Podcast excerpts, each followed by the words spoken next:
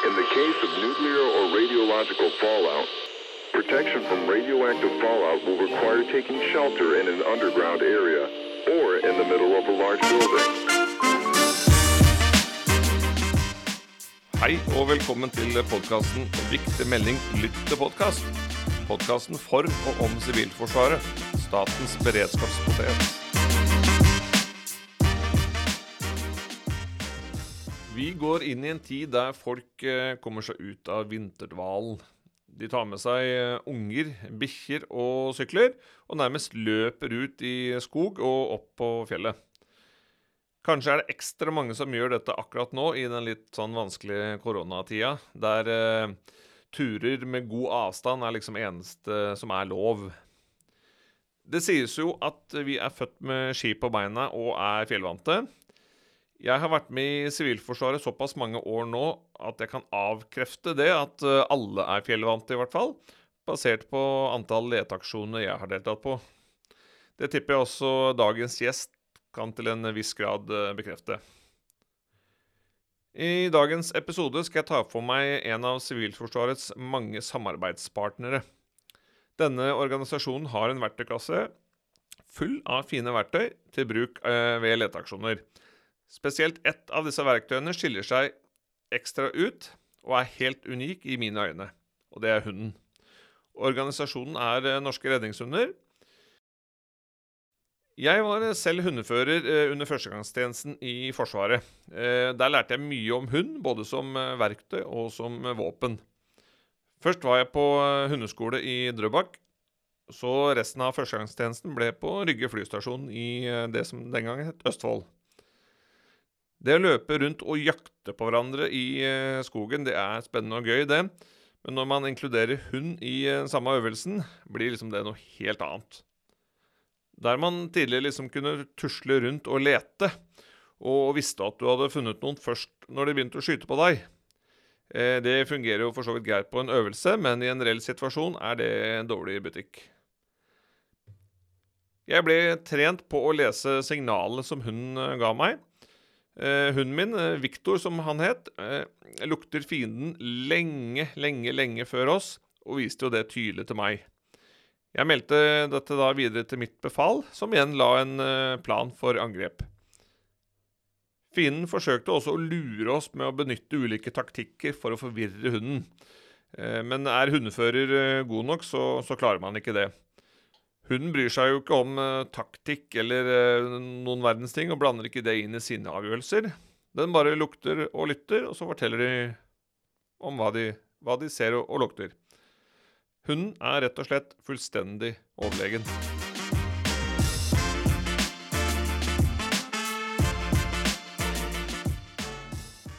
Gjesten min denne gangen er Marius Wigen Andersen. Eh, Marius er utdanna paramedic og har nå en master i samfunnssikkerhet og terrorisme fra Nord universitetet. Han er en eh, kollega av meg på Smestad ambulansestasjon og har vært i ambulansetjenesten helt siden 2000. Eh, Marius er da veldig interessert i hund, og i 2010 meldte han seg inn i Norske Redningshunder. Og starta da treninga der. I dag eh, har han to hunder av, eh, av rasen Toller. Den ene heter Milo, som er da en pensjonert lavinehund. Og så har du Ajax, som er da under opplæring for å, for å være med å redde liv videre, da. Så hei, Marius, og velkommen til podkasten. Hei, hei, Lasse, og hjertelig takk for invitasjonen. Ja, det var så bare, bare hyggelig som bare det. Du, jeg, jeg som jeg har sagt litt innledningsvis her i, i introen min, så, så, er jeg veldig glad i hund og har jobba litt med hund. Men du har jobba atskillig mer med hund, og kan mye mer om hund. Eh, og Derfor har jeg invitert deg i dag for å, for å prate litt om eh, både om eh, norske redningshunder og, og eh, om hund og hund i arbeid eh, generelt. Og da tenkte jeg vi kan like godt bare gønne på med en gang. Eh, kunne du tenke deg å fortelle litt om uh, Norske redningshunder, Marius? Ja. Eh, Norske redningshunder er jo en frivillig redningsorganisasjon eh, som har hund i fokus, og hund i, si, som den viktigste arbeidsverktøyet vårt. da. Ja. Eh, or organisasjonen ble startet tilbake i 1956 av en eh, Røde Kors-mann som heter Kåre Skalstad. Um, og den gangen så hadde organisasjonen navnet Foreningen norske lavinehunder. Som vil si at man hadde fokus da på egentlig det som foregikk i snø og snøskred. Ja. Eh, bakgrunnen for dette var en, eh, en redningsaksjon helt tilbake i 1947. Der det hadde gått et snøskred på Vestlandet som Kåre var til stede på. Ja. Eh, og Der så han en hund som drev og sprang opp i dette snøskredet. Og, og snusa og gravde litt forsiktig med, med poten sin, og faktisk dro fram en vott. Ja. Og i det området fant man da den som faktisk var tatt av snøskredet. Eh, dette skapte en ganske stor interesse hos Kåre, og gjorde at han ville videreutvikle dette.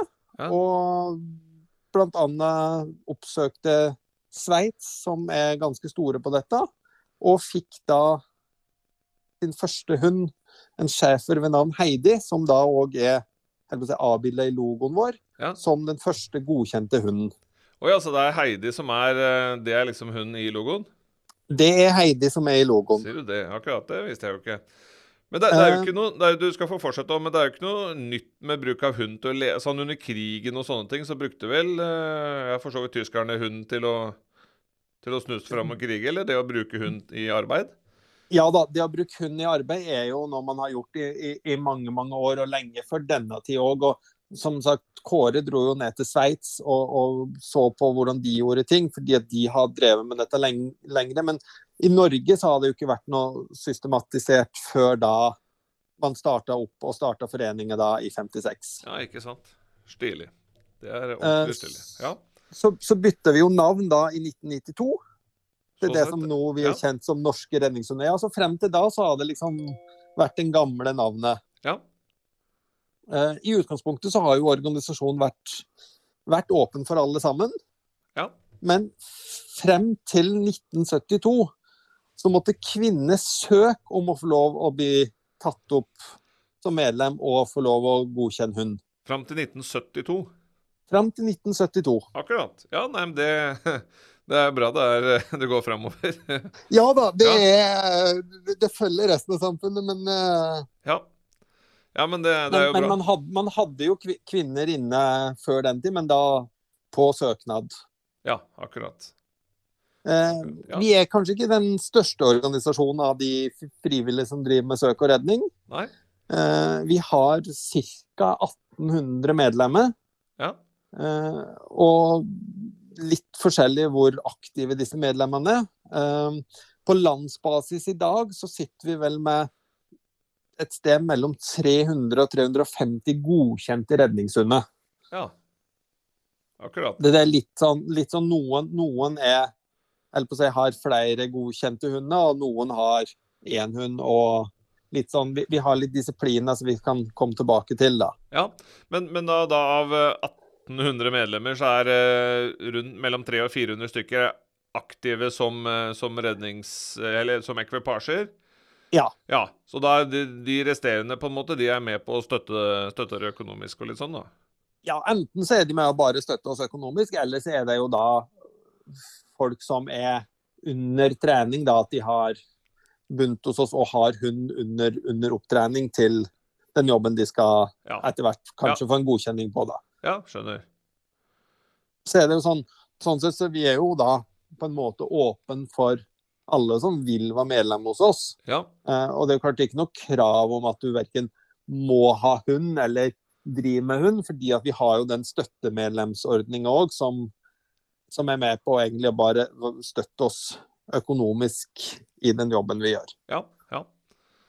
Ja, men det, det tenkte jeg du skulle, vi skulle linke til etterpå. Eh, hvordan man kan gi penger, og, og nettsidene deres og litt sånn. For det er, eh, dette, er, dette er ikke bare god reklame, dette er jo viktig, viktig ting å gjøre også. Så det, det må vi få til. Det høres veldig fint ut. Ja. Så, så hvem som helst kan bli medlem. Så, så liksom eh, dattera mi på Nei, nå har ikke en datter på fire, men har jeg hatt en datter på fire, så kunne jeg Hun og jeg og kona mi jeg har hatt et sånn familiemedlemskap eh, hvor jeg støtter det økonomisk. Ja, det Ja. kunne man ha hatt. Hvor mye man vil eh, støtte, det bestemmer man selv. man har enten mulighet til å, å tegne et på seg vanlig, vanlig medlemskap, eller så har man jo mulighet til å gå inn med, med den summen man vil i støtte. Ja. Når, man, når man vil, egentlig, da. Ja, ja, ja. Hva er det de pengene går til? Har du noen formening om det? De går i all hovedsak til utdanning av redningshunder. Ja. For det er jo mye av dette og den utdanningen vi gjør, den betaler jo stort sett hundeførere våre av egen lomme. Ja. Som, som, gjør at man er jo avhengig av kan få den lille støtten man kan til, til kurs og samlinger Ja. når det skjer. Det, det skal vi jo litt eh, tilbake Eller ikke tilbake til. Vi skal, skal til det etterpå også, litt kostnader rundt det. Så det, det, da får sikkert folk en forståelse av hvor mye det penger det koster å utdanne en, en hund og hundefører. Ja, Ja. det satser vi på. Absolutt. Ja, bare fortsett du, Marius. Jeg skal ikke forstyrre deg noe mer. jeg. Nei da, det går bra. Ja. Eh, Det er jo Hovedredningssentralen og politiet som er helt på å si, vår hovedoppdragsgiver. Ja. Eh, Og vi ligger på rundt omkring 500 oppdrag i året. ja. Akkurat. Eh, I 2020 så var vi vel opp mot 560, som er ganske stort og, og et, rekordår for oss, da. Det, så, ok, så det er travelt år. Men da, det vil jo si at det er over over én aksjon hver dag som pågår. I, Ja. i tallet, i hvert fall. Ja. Det er det. Og, det vil jo, og, og hovedsaken av det vi, vi gjør, er jo søk etter personer som er meldt savna av en eller annen grunn. ja. Og det var jo litt av grunnen til at dere gikk vekk fra å kal kalles lavinehundforening, eller hva det var, til å bare være redningshunder. For nå, nå er dere med og, og leiter overalt. Ja, det er jo Man, man starter med snøskred, og så har man videreutviklet og, og funnet ut at hundens nese er jo brukende til mer enn å bare leite ned i snøen. Så man har jo da utviklet seg til det som hos oss kalles ettersøkningshund. Ja. Eh, som foregår og handler om egentlig å da lete etter mennesker oppe på bakken. Ja. Eh, og så skal man passe på at det skal ikke forveksles med det som veldig mange snakker om når vi snakker om ettersøkshund, Nei, nei. som er, no, som er noe helt annet. Som er det, som er det jegere driver med når de, når de leter etter skade vilt. Ja, ikke sant. Ja, men det er jo greit å det, Da er, er det et vilt som enten har blitt påkjørt eller skadeskutt, så er det da en ettersøkshund som tar den. Ja, Ja. Og så er det ettersøkningshund som tar og leter etter mennesker. Ja. Da burde jo dere to eh, gruppene prate litt sammen og kalle dette her helt forskjellig. Dette her er jo veldig forvirrende. Det er veldig forvirrende, og det er veldig forvirrende for veldig mange. Og det er noe vi stadig vekk opplever som en stor forvirring. Ja. Men vi- ser det vel heller på hunden. Det er vel ikke noe norsk elghund som er ute og leter etter eh, Veldig, veldig lite norsk elghund som er ute og leter etter savnede Ja, ja. mennesker. det er, Ja, men det er greit. ja. Var det noe mer du hadde om, om eh, foreningen, eller? Det er vel det, si, det viktigste om, om organisasjonen. Eh, nå holder vi jo til å gjøre stort sett kun ting innad i landet. Ja. Eh, men vi har jo tidligere vært utenlands Ja. i forbindelse med, med noe som ble kalt NORSAR. Ja. eh, som var et samarbeid mellom norske redningshunder, Oslo brann- og redningsetat og medisinsk personell i første runde fra Norsk Luftambulanse og i etterkant fra Oslo universitetssykehus. Ja. Eh, der man har vært nede for første gang i 1999 på et stort jordskjelv i Tyrkia. Ja. Og så har man da seinere vært i Iran i 2003, og siste gang var i Nepal i 2015. Ja. Da, og en av de hundene som var fra Norge, gjorde funn av en som var begravd under bygningsmasse ganske lenge etter det jordskjelvet gikk, og ble funnet i live. Det er stilig. Det, det er jo det, det dere jobber for, går jeg ut ifra. Det er jo det som er må målet, er jo å finne folk i live og berg liv. Det er jo det som kanskje er det aller viktigste det egentlig er i redningstjenesten. Ja. Så, som jeg sa helt i starten her, Marius, jeg har jo vært hundefører selv i militæret. Og, og den følelsen når du ser hunden din har gjort et funn som er Det er, det er så soleklart at det er et funn som eh, du kunne like godt fortalt deg det. Det, det, det, kribler, eh, det kribler litt eh, Eller du får litt gåsehud og vet at det her er et funn. Så her er det bare å begynne å grave eller begynne å skyte eventuelt, da, hvis du er i militæret.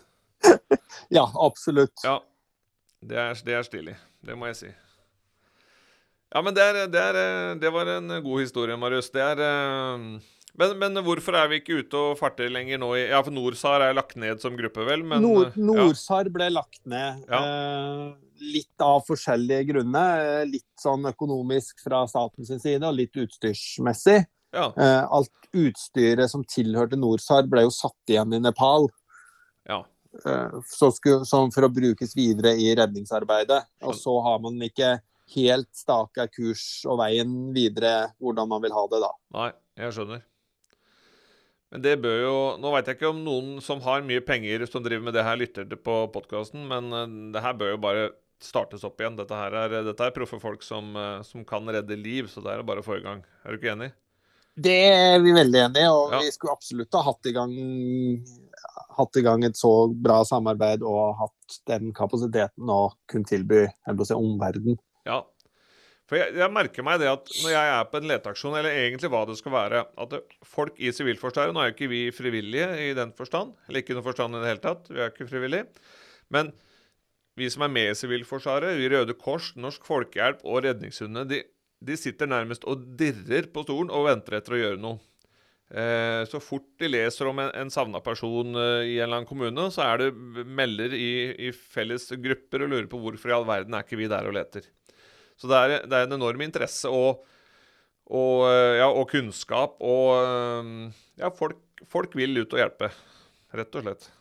Det vil de, og det er jo det som er Dette bygger jo på frivillighet, og er jo noe vi gjør frivillig på fritida vår. Ja. Og man bruker jo veldig mye tida, tida og fritida si på dette. Ja. ja jeg, jeg har jo hørt historier før om om noen som ønsker å, å bli medlem med hund eh, i, i, Norske Redningshunder, men rett og slett må hoppe av. For det, det, det tar for mye tid. Det, er, det, krever for mye av en i, i, forhold til hva man har tid til, og ikke minst penger, da.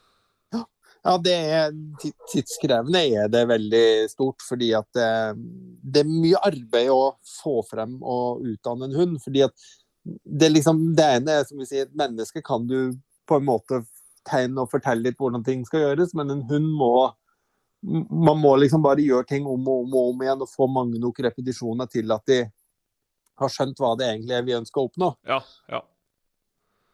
Det er sant. Nå, nå kjenner jeg tilfeldigvis uh, din samboer òg, og det er vel greit å ha en samboer som er ikke bare på lag med dette her, men også driver med det og interesserer seg for det også. Det, det hjelper jo selvsagt. Det gjør det til tider veldig mye lettere, ja. ja. Iallfall for forståelsen sin bit. Ja, absolutt. Ja, men Det er godt å høre, Marius. Jeg tenkte jeg skulle prøve å ta med, ta med liksom lytterne på, på gangen i hvordan eh, La, la, oss si nå at jeg har en hund. Jeg har kjøpt meg, jeg har hørt at en uh, hund som du har, eller en av de hundene du har, en toller, det er en fin hund, hund til å drive søk med. Uh, jeg har kjøpt meg den. Jeg vet ingenting om trening av hund. Og jeg ønsker da å bli hundefører i norske redningshunder. Ja. Hva liksom, hvordan går jeg fram da? Da er jo si, Det aller viktigste er jo å være medlem. Ja. Og, ha, og ha interesse for hund og ha en hund. Ja.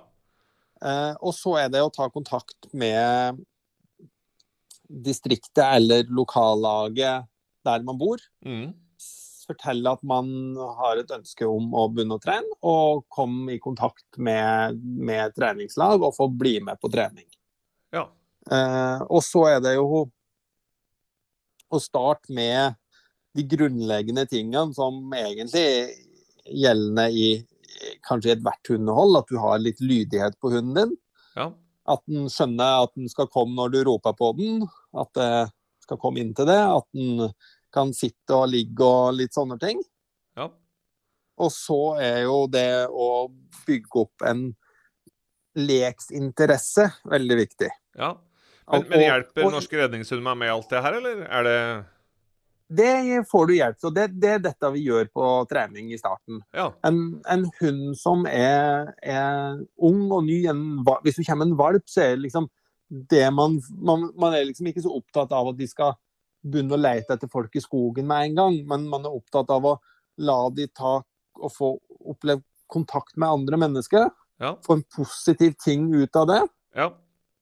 Og, eh, og, og lære seg til at mennesker er kule ting.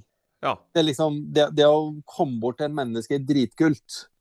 For det er jo det som er Hun gjør jo dette søksarbeidet egentlig fordi at den vet at når den finner noen ute i skogen, så får den oppleve noe av det kuleste den vet. Om det er å spise den kjempemye godbiter, eller å få leke med verdens beste leke, Ja.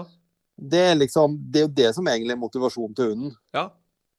Eh, I tillegg så er det jo greit å kanskje hive seg på noe, noe type hundekurs utenom. Av rene lydighetskurs, valpekurs. Ja. For, for å få litt mer av den, av den biten, da. Ja, ja, ja, det skjønner jeg.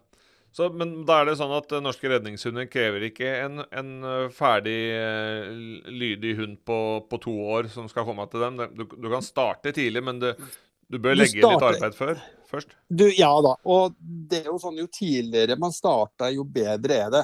Ja. For det er lettere å, å forme en valp enn å forme en to år gammel hund. Ja.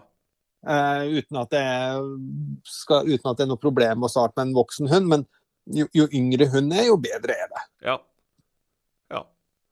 Sånn at eh, man, man får veldig mye hjelp og får mye tips og råd. Og så er det jo, iallfall i starten, så er jo vel, handler det jo veldig mye om egentrening. ja.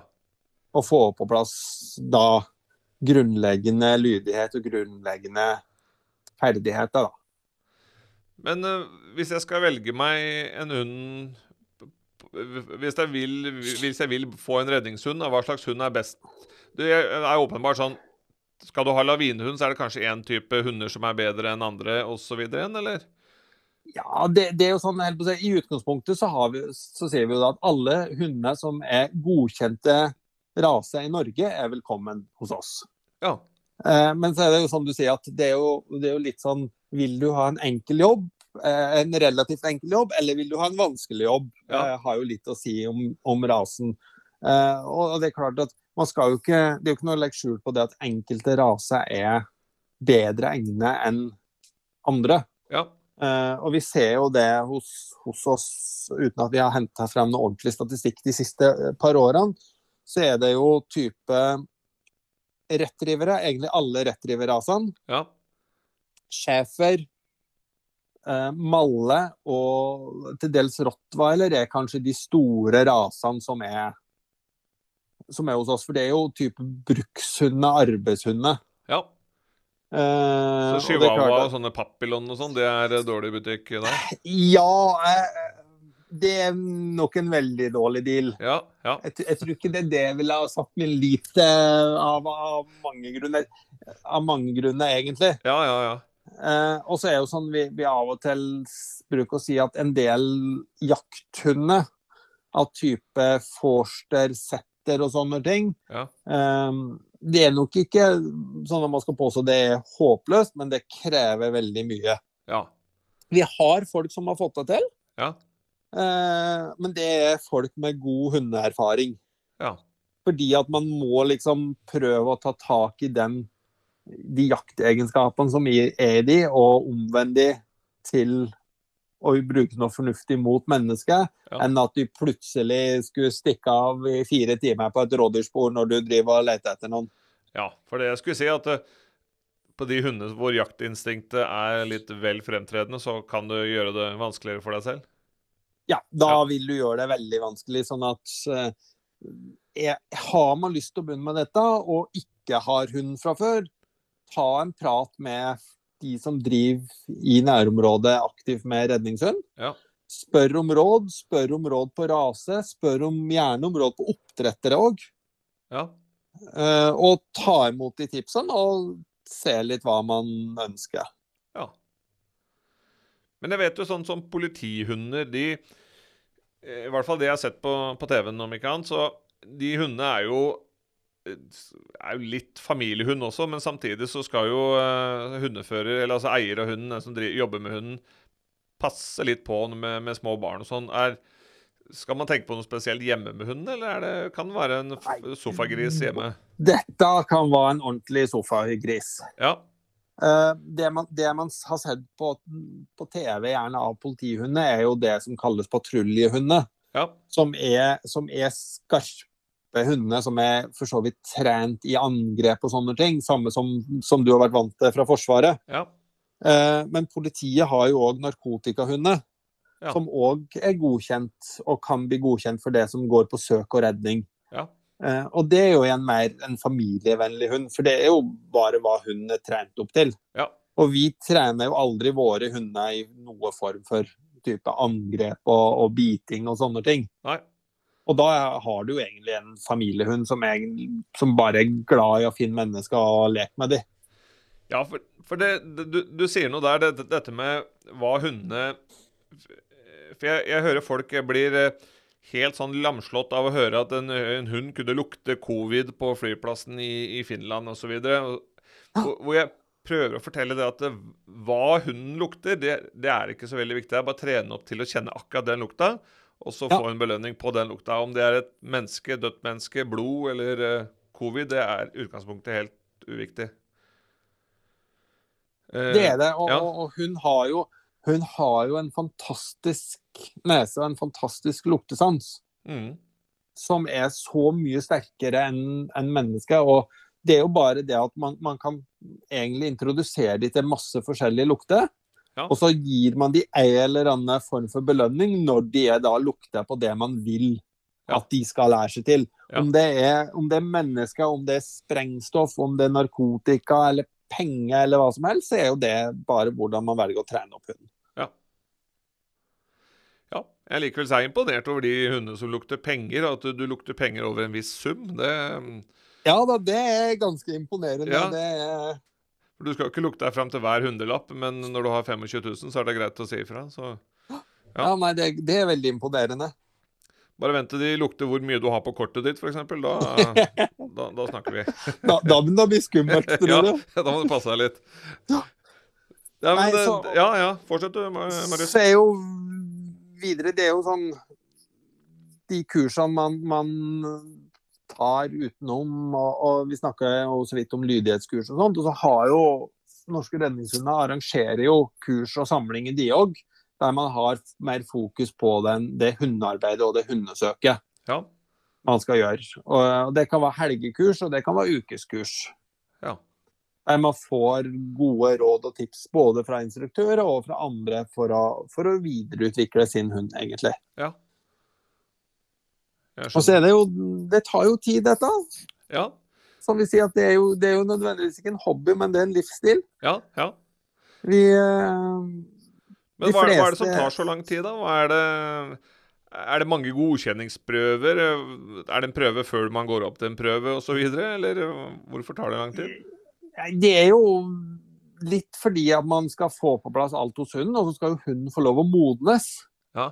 Eh, For det er jo, med, det er jo egentlig med hundene som med, med mennesker at eh, barna har sine visse trassealdre og tenåringsaldre og sånt. Ja. Og det har jo en hund òg. Ja. Det er bare det at den, den kommer veldig mye raskere hos en hund, da. ja. Eh, en, en hund på halvannet og to år er jo gjerne i det vi fra menneskesida merker med tenåringsstadiet. Ja. Og da kan, kan de gjerne bli litt som en vanlig tenåring, at de blir litt trassige og, Ja, og, og vriene og har litt sine egne meninger, da. Ja, ja, ja. Og det må man jo prøve å, prøve å stoppe litt opp og, og vri litt bort. Men, men vil det si at hvis jeg har en La oss si en eh, Nå har jeg en border collie-blanding hjemme selv. Den er jo begynner å bli litt gammel. Men hvis den, han har vært fire år Jeg aldri mø møtt opp hos dere. Kan jeg i utgangspunktet komme og ta den første prøven og bestå den, og være klar hundefører allerede etter liksom én prøve? Nei. Nei. Um, normalt sett så, så sier vi at um, hvis du har litt erfaring fra tidligere, så, så bruker man ca. tre år på å godkjenne og utdanne en redningshund. Ja. Eh, fordi at vi har, vi har litt sånn forskjellige nivåer man skal godkjenne. Og man får bare godkjent ett nivå i løpet av året. Ja. Sånn at eh, det, det, er en liten vei å gå. Og så er det jo den tida vi, vi har jo stort sett, og de, veldig mange har jo treninger, faste treninger da, to til tre ganger i uka. To til tre ganger i uka, ja. Ja, der ja. man bruker da et gjerne, iallfall Hvis man har to ganger i uka, da, så bruker man gjerne en ettermiddag og en lørdag eller en søndag sammen med treningslaget sitt. Ja. Der man, der man uh, hjelper hverandre og ikke bare fokuserer på sin egen hund, men, men fokuserer på resten av hundene på treningslaget. Ja. Og så har du jo egentlig all den tida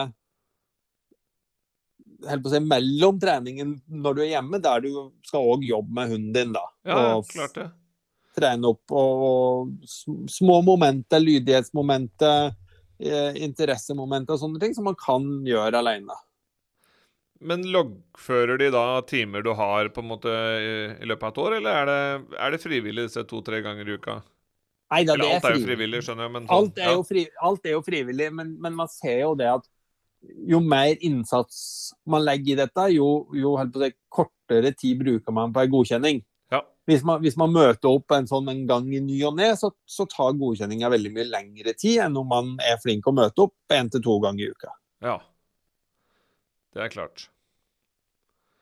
Hvor er det, hvor er det kostnadene ligger her, Marius?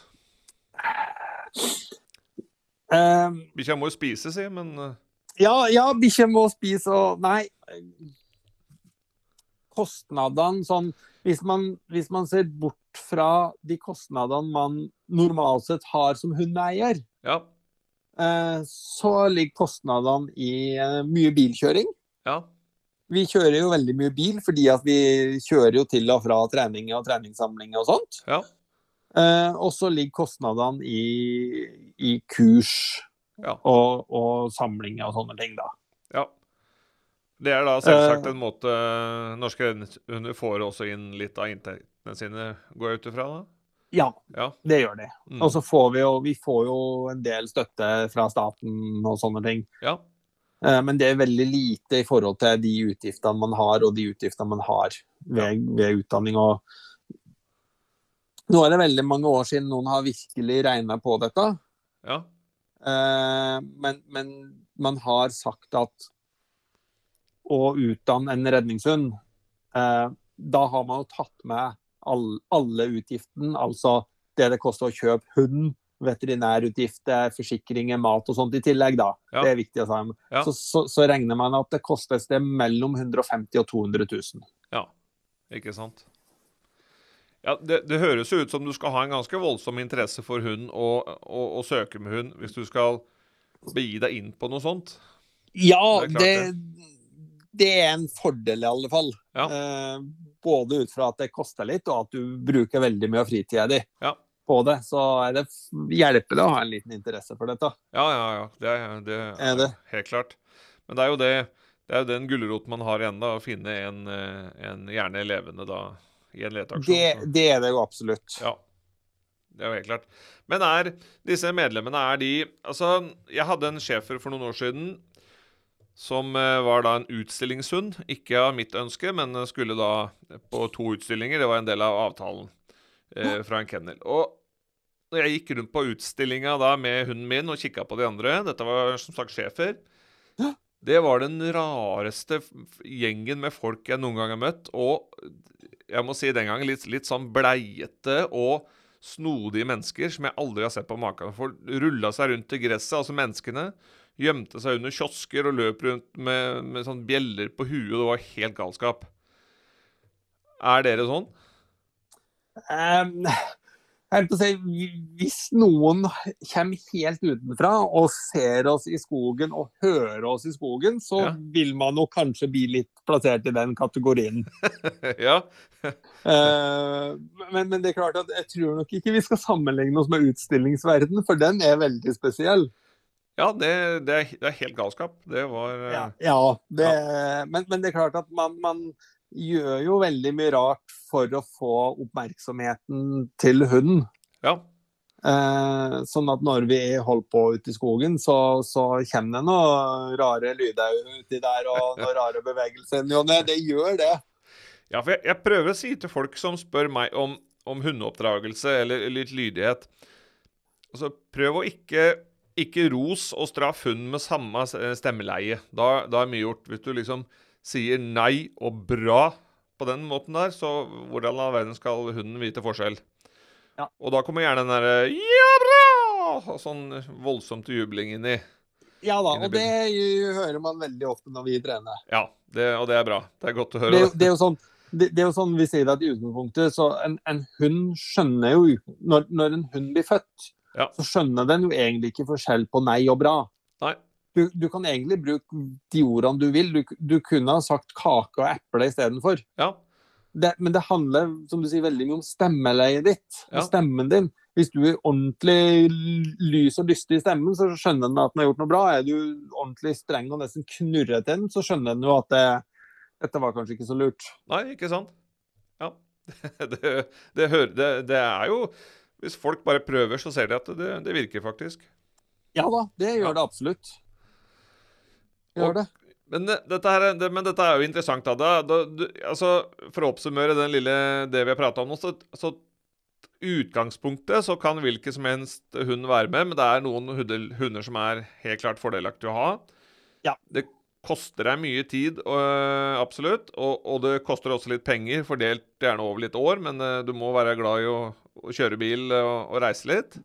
Det må man absolutt. Ja, men altså ingen basiskunnskaper om hund må has, men, øh, men man må regne med å gjennom noen prøver så, å, å skaffe seg kunnskaper må man absolutt. Ja. Ja, jeg skjønner. Og så er det jo et Og sosialt nettverk her, da, vil jeg tro, som er helt Det er eh, veldig, veldig sosial. Vi er absolutt en sosial gjeng. Ja. Ehm, og så er det jo, når du skal drive redningshund og trene redningshund, så er det jo en fordel at du liker å være utendørs. Ja. For eh, mesteparten av det vi gjør, gjør vi jo utendørs. Ja, ikke sant. Uansett, uansett vær. Ja. Så det er ikke, det er ikke mu- mu- mulig å skaffe seg en sommersøkshund eh, som, som ikke tåler regn. Nei, det Nei. blir jo litt sånn Det er klart det er sikkert noen som tror det, og du bestemmer jo til syvende og sist sjøl hvilket vær du går ut i. Men Ja, ja. det, det er veldig sjelden at eh, den, de som er savna, forsvinner ut i godt vær og solskinn. Det er gjerne, liksom, en, gjerne en sammenheng mellom at de går så bort og været. Ja. Japp. Det er det vel ikke noe tvil om. Er det noe mer i oppsummeringa av det, det punktet der du vil ha med, eller? Nei, Jeg tror det er Jeg har fått fram mye Ja. eh, om det. Det er liksom Det er litt vanskelig å forklare egentlig hele veien sånn teoretisk sett.